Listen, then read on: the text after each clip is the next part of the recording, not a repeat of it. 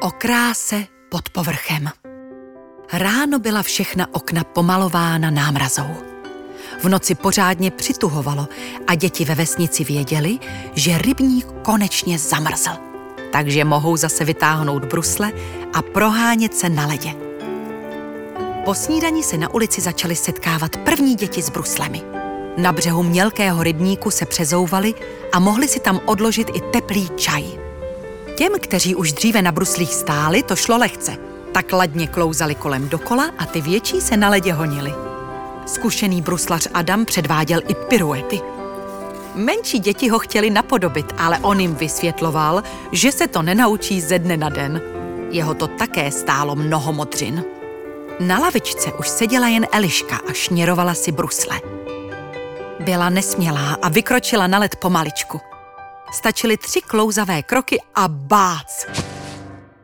V momentě seděla na zadku. Hlavně žádný pláč, řekla si. Zkoušela to skoro hodinu, ale vždy to dopadlo stejně. Nedokázala udržet rovnováhu. Nakonec si vyzula brusle a posadila se na lavičku. Vedle seděla ještě jedna holčička. Eliška by ráda věděla, jestli ani ona neumí bruslit, ale styděla se zeptat. Holčička po chvíli odešla. Eliška si povzdechla a vydala se směrem k místu, které všechny děti v okolí dobře znali. Byl tam malý vodopád, ale dnes byl z něho ledopád plný rampouchů. Za ním se nacházela jeskyně hluboká jen pár metrů, ale krásou by překonala i ty hlubší. Nyní byla plná krápníků, které připomínaly ledovou žirafu, mrože, slona i velehada královského. Stačilo se dobře zadívat a hned se ukázalo něco nového. Velrybí ocas, královská koruna nebo rytířský meč. Eliška obdivovala zimní díla přírody a na své bruslařské neúspěchy zcela zapomněla. Dokonce ztratila pojem o čase. Teprve když si uvědomila, že už je pořádná zima, vydala se zpět ke kluzišti.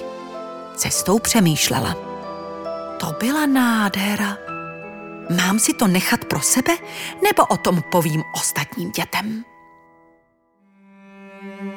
Nakonec se rozhodla, že to bude její tajemství.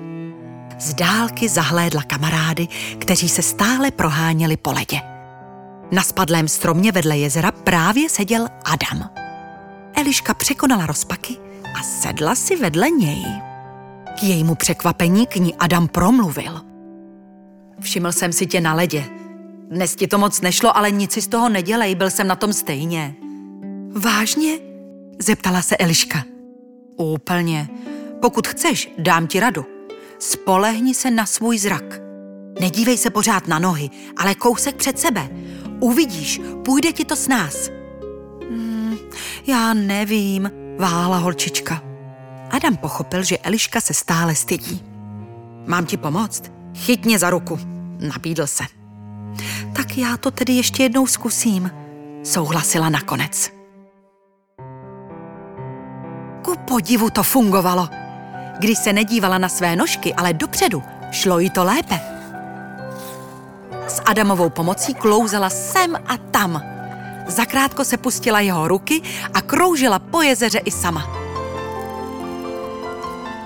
Přidala se k ostatním dětem s hrdým hele, hele, koukejte, už mi to jde.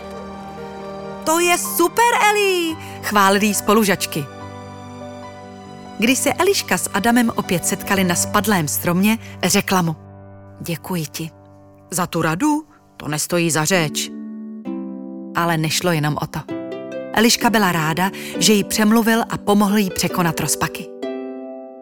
Pokud chceš, prozradím ti tajemství. Chtěl bys vidět ledového draka?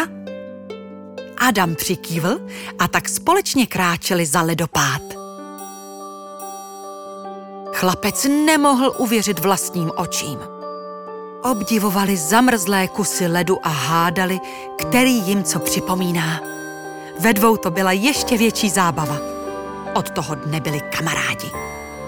Eliška se kromě bruslení naučila, jak důležité je umět se ozvat.